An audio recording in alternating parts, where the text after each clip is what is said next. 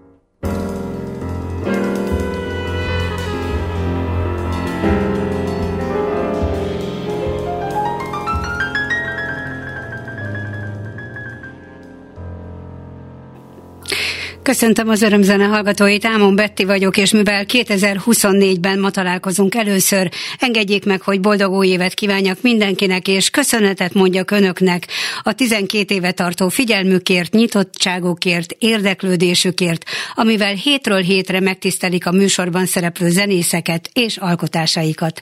Az idei évben elsőként egy nagy formátumú muzsikust, a hazai jazzélet meghatározó személyiségét köszönhetem, akinek több évtizedes művész művészi tevékenységét számos nemzetközi és hazai szakmai elismeréssel jutalmazták, többek között Erkel Ferenc díjjal és Artisius életműdíjjal, de a legfontosabb, hogy mind zeneszerzőként, mind előadóként rendkívül aktív és attraktív művész, akinek egyedi zenei világát rajongással szereti a közönség, és emellett nagy tisztelet övezi egyetemi tanári munkásságát is.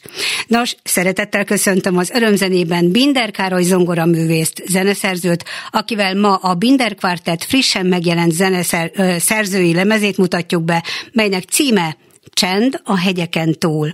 A lemezen nyolc saját kompozíció szerepel, mely az ismertető szerint magánviseli a népzene, a Bartóki gondolkodás és a modern jazz hatásait, azaz Binder Károly zenei világának legfőbb jellegzetességeit.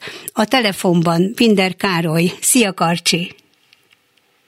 Szervusz, Betty, nagyon nagy szeretettel köszöntelek, és köszöntöm a hallgatókat is. Ilyen gyönyörű bevezetés után én is csak annyit tudok mondani, hogy boldog új évet kívánok mindenkinek, és szemben ugye a Csend a hegyeken túl című lemez címadó dalával szemben remélem, hogy a telefon másik vonalán nem csend lesz, hanem beszélgetünk és zenélünk. Így van, beszélgetünk. A, a zenében a csend egyébként nagyon komoly jelentőséggel bír.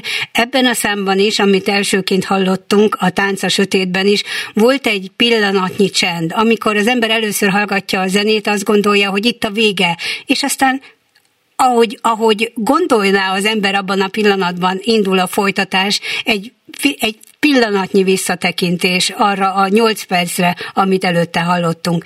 De mi, mielőtt belemélyednénk a, a lemez üzenetébe, gondolatiságába, az ismertetőn szerepel ez a mondat, és ez, ez igazából hozzátartozik, hogy a Bartóki gondolkodás, a modern jazz hatása és a népzene mindegyik kompozíciódon vagy jazzlemezeiden valóban a legnagyobb jellegzetesség.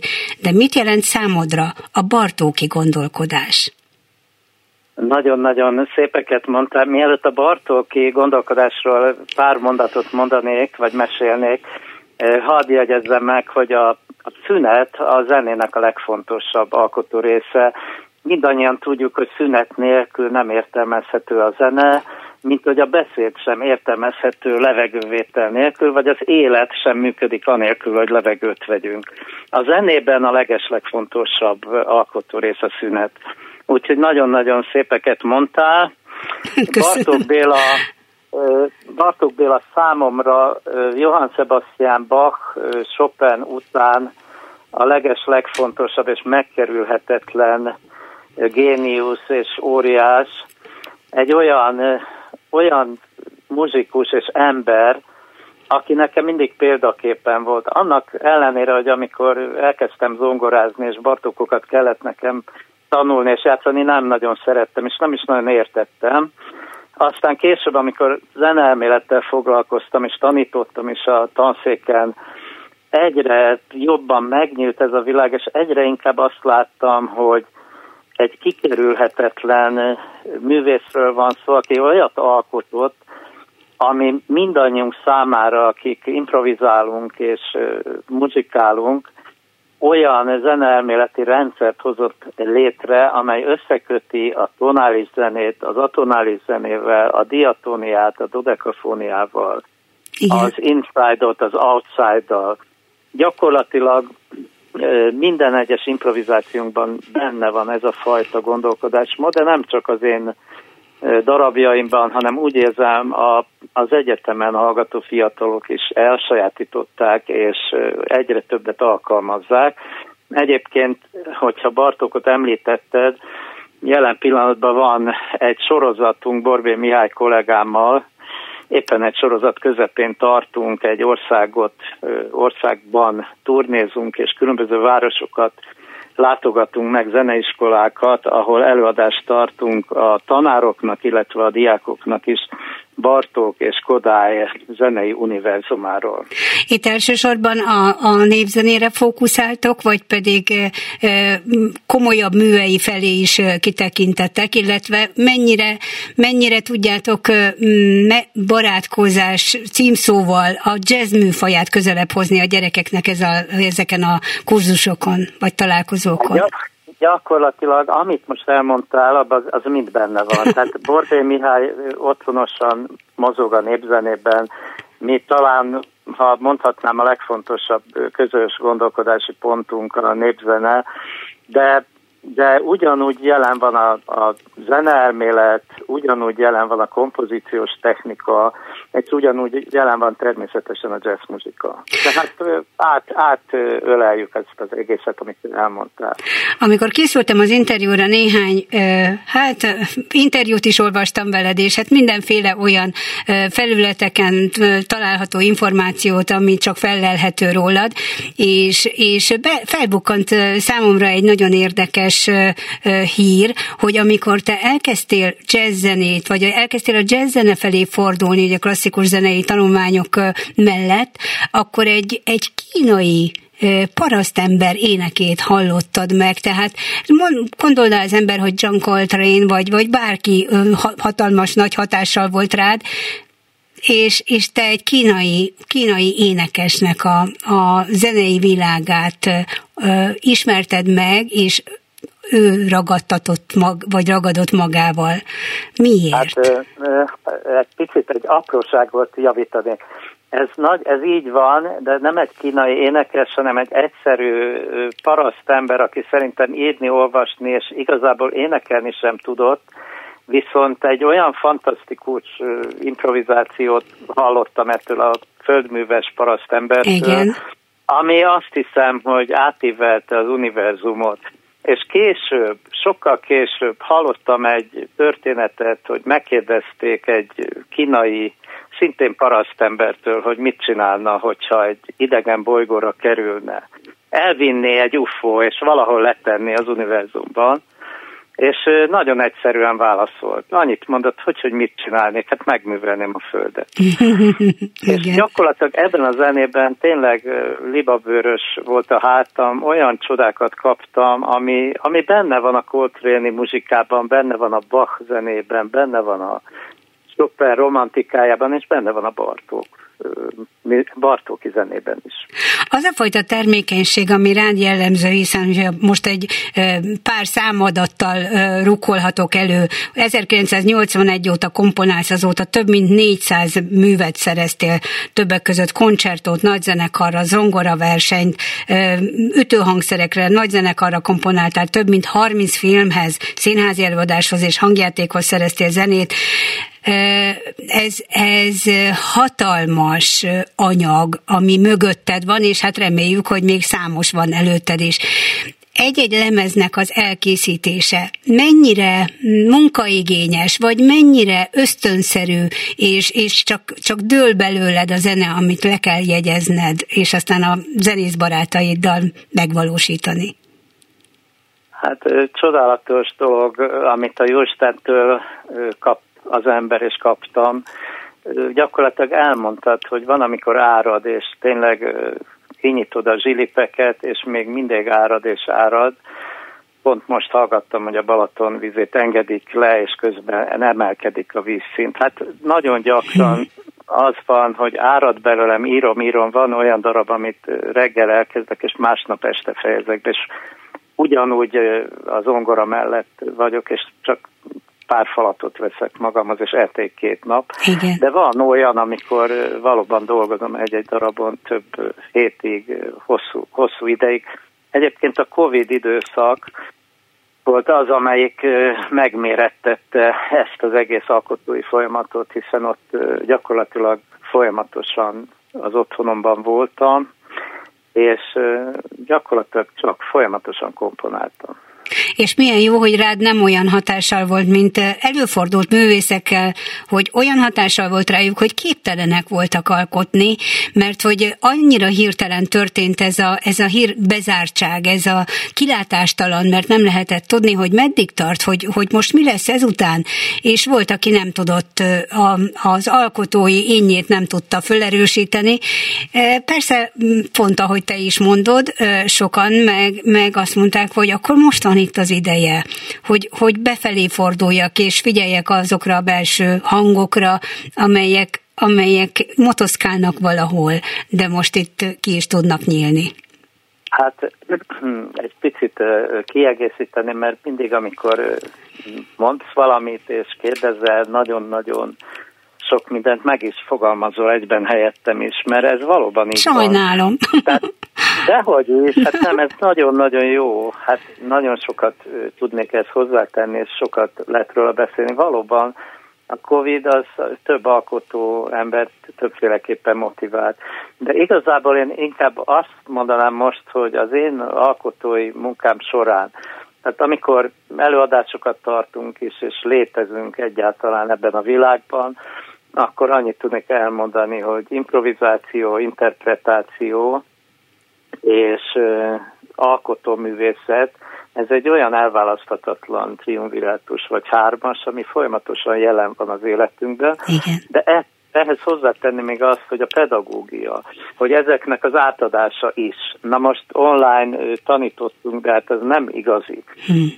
Előadni nem tudtunk, mert lemondták a koncerteket. Ugye maradt az improvizáció és a kompozíció, és ebben a idézőjelben mondom, hogy rövid, hosszú és bizonytalan időszakban alkotni gyakorlatilag nem volt kérdés számomra. Egyszerűen megnyíltak azok a, azok a fenti kapuk és szelepek, amikor valóban áradt a sok hmm. zene, és gyakorlatilag talán annak köszönhető az is, hogy például most az idén, nem idén, tehát 23-ban három lemezem jelent meg, aminek a felét már akkor elkezdtem írni, amikor ez az időszak volt. Tehát gyakorlatilag egy évben azért három lemezt fölvenni és megírni Azért bravúros, bravúros teljesítmény. Lenne, de ez már elindult a, a Covid idején. Igen. Nagyon misztikus a címe, hogyha visszatérhetünk a, a, a legújabb lemezethez, a Csend a hegyeken túl című albumhoz. Nekem egyrészt misztikusnak tűnt a címe, és nagyon kíváncsi voltam arra, hogy mit fogsz mesélni erről az albumról, hogyan született ez az album, milyen inspirációkat fogalmaztál meg, vagy mik hatottak rád, amikor ez a nyolc gyönyörű szám lemezre került, és föl tudtátok venni? Hát az elején kezdeném, akkor egy csodálatos élményt foglalnék össze.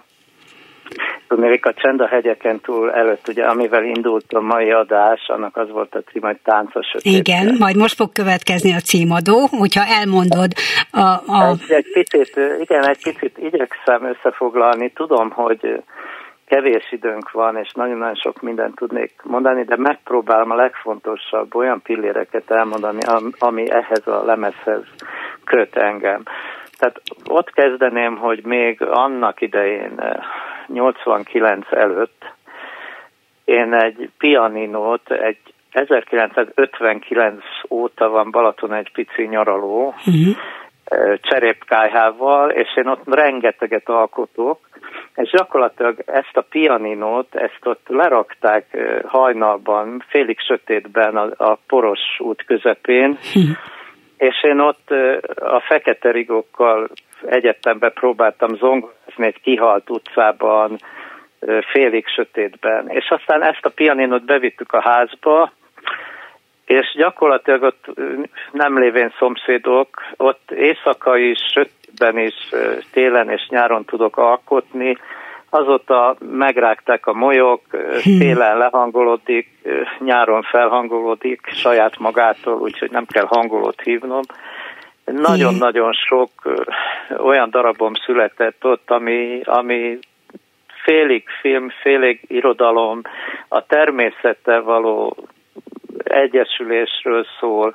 A Sebestyén Mártinak írtam ott dalokat, a zongora versenyemből írtam nagyon sokat, éjszaka is, és uh-huh. sötétben. Uh-huh. Ez a tánc a sötétben, amivel indult a mai műsor, Igen. ez valóban sötétben kezdtem el írni, természetes, hogy a tenor szaxofon szólót nem, de, de csodálatos érzések születnek meg, és, és ott, ahol nincs senki, és ott a természet, nagyon-nagyon inspirál. A csend a hegyeken túl pedig egy érdekesebb, egy picit talán hosszabb történet, mert amikor én ezt írtam, akkor valóban egy hegyet megmászni, mindenki tudja, hogy nem egyenesen megyek föl a hegyre, hanem megpróbálok szerpentinen vagy olyan ösvényeken följutni, ahol fel is érek a tetőre. Így van, kicsit oldalazva. És akkor jön a, nagy, a legnagyobb kérdés, hogy amikor felértem a hegy tetejére, akkor onnét én mit látok? A hegyeken túl mi van?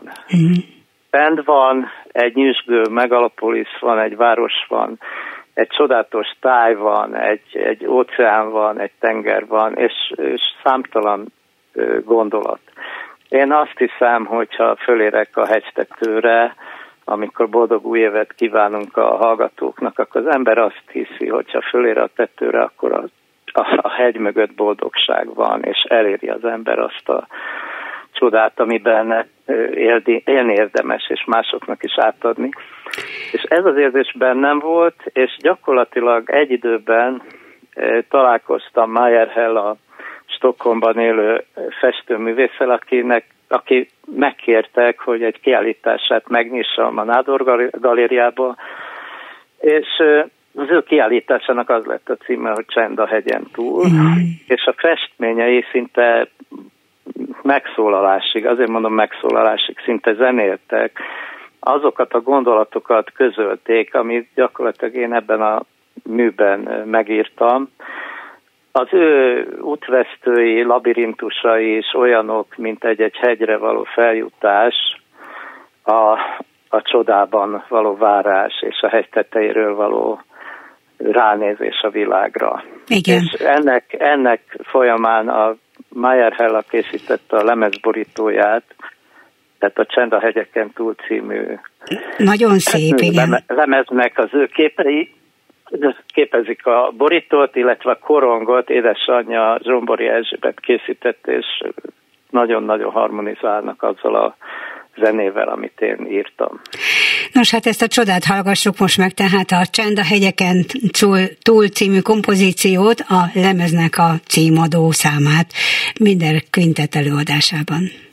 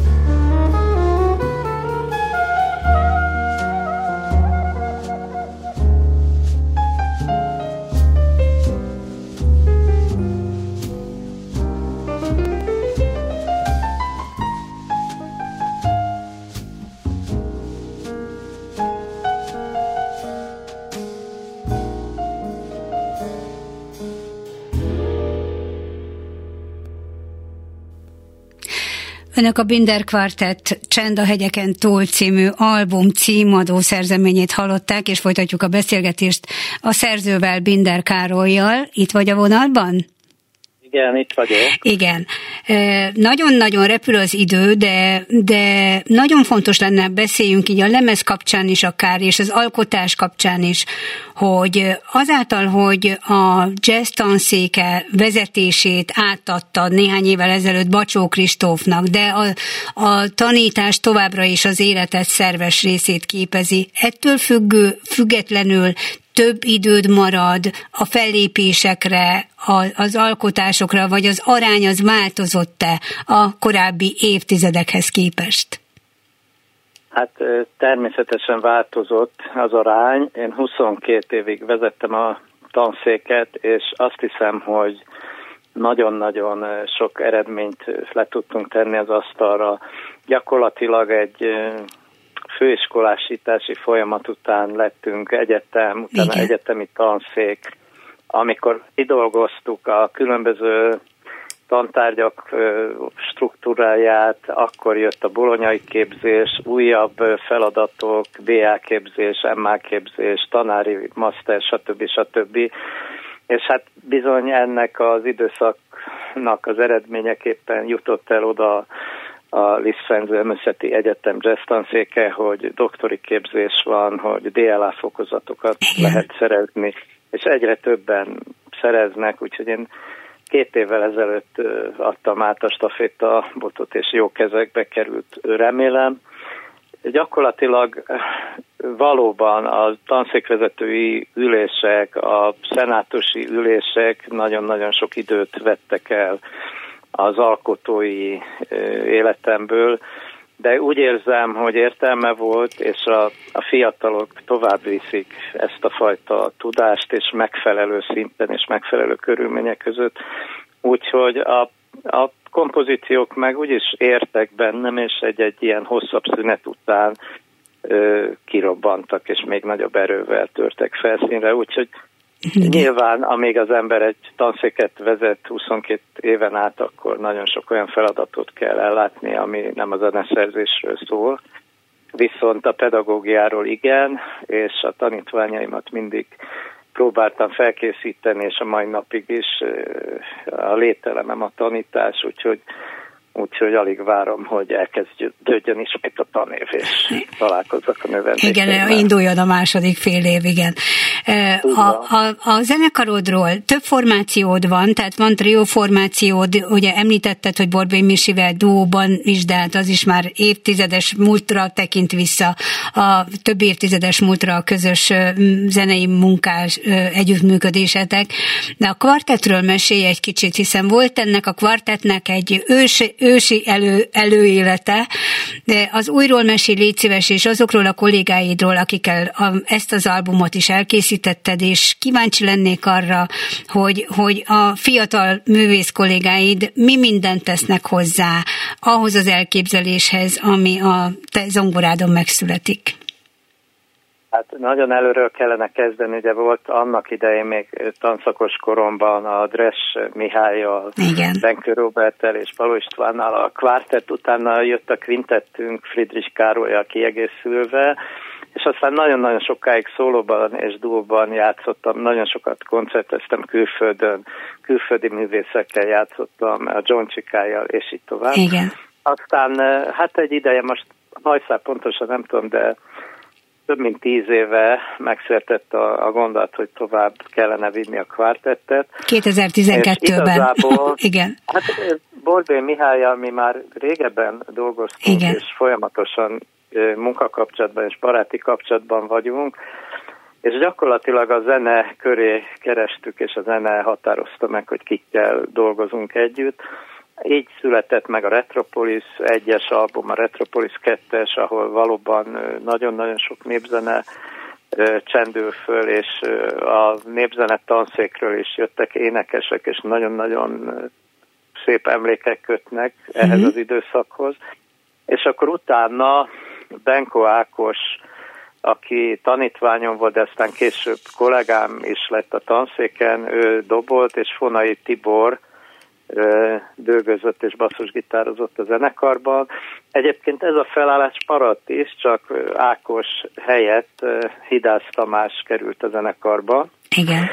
És gyakorlatilag a kvártet ebben a formációban működik jelen pillanatban, és így fogunk majd február 10-én az Akadémián is játszani, ahol ennek a lemeznek lesz a bemutató, és így játszunk vagy így játszanánk pénteken, csak kivételesen Horváth Balázs fogja helyettesíteni Fónai Tibit, aki nem ért rá, és nem tudtunk dátumot egyeztetni. Mert hogy az elfoglalt nekem... művészeket mindig nehéz hát, egyeztetni, igen. Igen, igen.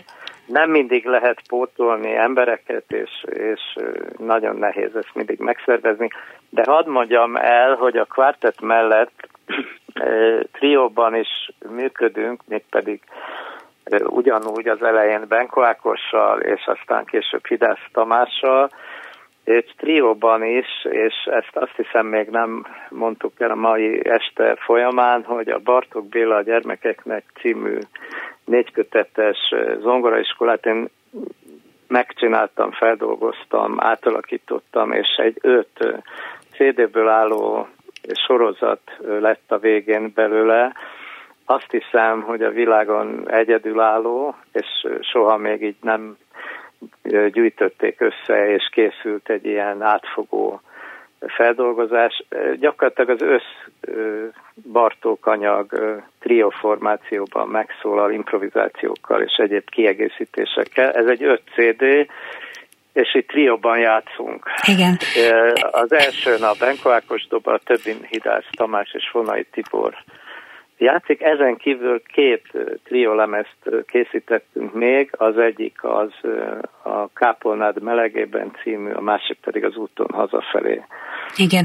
Visszatérve a, a For Children, tehát a, a Bartók mm, albumokhoz. Mennyire jazzzenészeknek ajánlható ez az anyag, vagy mennyire laikusoknak? Mit, mit tanulhat ebből, vagy mit szerethet meg ebből, vagy megszeretheti-e kicsit másképpen Bartókot, például a laikus zeneszerető ember? Azt hiszem, hogy a visszajelzésekből és a lemezek iránti érdeklődésből arra következtethetek, hogy nagyon-nagyon széles merítésű lemez, tehát teljesen outsiderek is keresték ezt a lemezt, és hallgatták olyanok, akik nem járnak jazz koncertekre és jazz klubokba. Uh-huh. Próbáltam megnyitni azokat a kis zárt, hát nem azt mondom, hogy kalitkák, de nagyon sok helyen be volt zárva, hogy egy pici formában egy népdal, vagy a Bartóknak a kis ötletei, gyermekeknek készültek ezek a darabok, és ebből adódóan 20-30-40 másodperc, 50 másodperc hosszúságúak. Igen. És ezt én egy picit kiegészítettem játékosan, hogy legyen benne improvizáció. Egy-egy metrumot átalakítottam négy negyedből ötbe. Próbáltunk más ritmus alapokat, osztinátokat ezen zenék alátenni, illetve hát kiegészíteni és szányra bocsátani, vagy szárnyaltatni a muzsikát, improvizációk által, sőt, hát a témák is gyakran másképpen szólalnak Igen. meg. Tehát egy izgalmas utazás ez az öt, öt lemez, úgyhogy nagyon-nagyon nagy öröm volt készíteni, és, és nagy munka volt egyébként valóban a Covid alatt Igen. kezdtem el.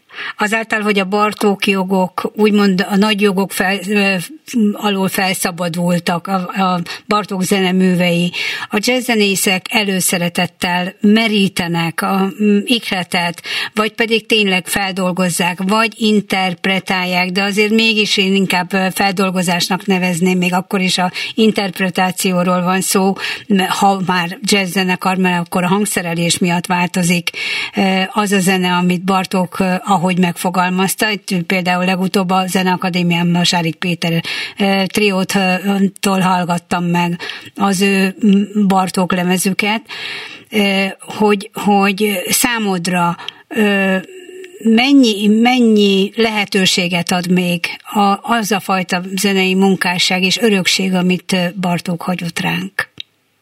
Hát egyébként, amit most elmondtál, ez nem véletlen, hiszen a Bartók jogok által nem csak a jogok szabadultak fel, hanem fel lehetett vállalni azokat a zenei stílusjegyeket, zenei elemeket, amiket Bartók is használ, de a Bartók is használ olyan elemeket, amiket a népzenében gyűjtött. Igen. Tehát gyakorlatilag összeér ez a csodálatos ív, vagy kör, Igen. tehát a népzenében gyökerezik, megszületik egy, egy nagyon-nagyon magas kultúrában, egy improvizációs magas kultúrában, hiszen a, a Bartok fantasztikusan improvizált is, és ha csak az Allegro Barbaróra gondolunk, vagy azokra Bizony. az osztinátokra, amiket ő leírt, ilyen osztinátokat a népzenék is használnak, és a jazz muzsika is használ.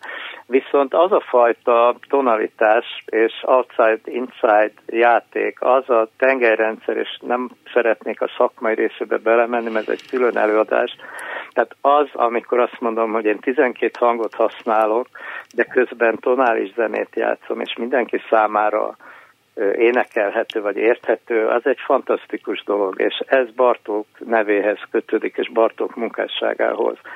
Különösképpen ezekben a pici, eszenciális darabokban, amik a, a gyermekeknek című kötetben benne vannak. Igen. A, ha visszatérhetünk a, az új albumhoz és a lemezbemutató koncerthez, két helyszínt említettél, hogy az egyik az Opus Jazz Club, a másik pedig a Zene Akadémia lesz majd, hogy mi a különbség a Zeneakadémia és az Opus Jazz Club közönsége? Egyrészt nyilvánvalóan más.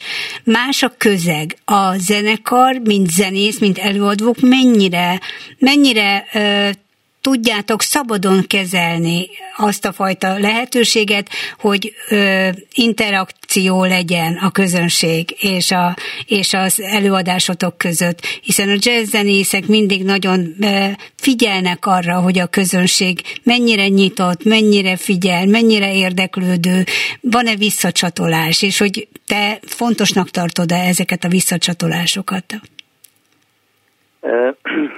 Én azt mondom, hogy imádkozni otthon is lehet, a szobában is, és templomban is. Ha a Zeneakadémián játszunk, akkor mondhatnám azt, hogy templomban vagyunk, és ha egy jazzklubban játszunk, akkor az lehet egy közös szertartás is, és lehet egy más tér is. Azt hiszem, hogy az interakció egy jazzklubban természetesen sokkal nagyobb, és a közönség másképpen reagál, mint egy, egy zeneakadémián, a, a zene fellegvárában. Igen. De úgy érzem, hogy van átfedés, tehát nagyon-nagyon sokan látogatnak el. Egyébként pont egy évvel ezelőtt volt a, a Blumenzéle előző lemezünknek a bemutatója a Zeneakadémián, és fergetteges hangulat volt. Tehát mondhatni, hogy, hogy ott is volt interakció, és állva tapsoltak, és vissza, vissza, és ráadásokat játszottunk.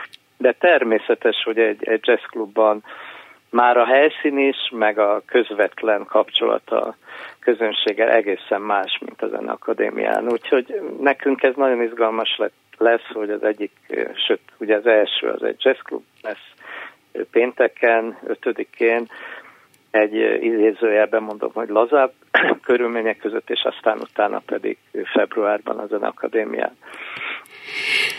Hát én nagyon-nagyon sok sikert kívánok egyrészt a lemezhez, hogy, hogy elérje a közönségét, és a, kerüljenek föl, gondolom, hogy majd az online platformokon is elérhetőek lesznek, de, de az élőbb, élőben meghallgatni varázslatos, úgyhogy én arra biztatom a hallgatókat, hogyha tehetik, akkor élőben hallgassák meg, és aztán vigyék haza, hogyha nagyon megszeretik és nagyon megkedvelik ezt a zenei világot.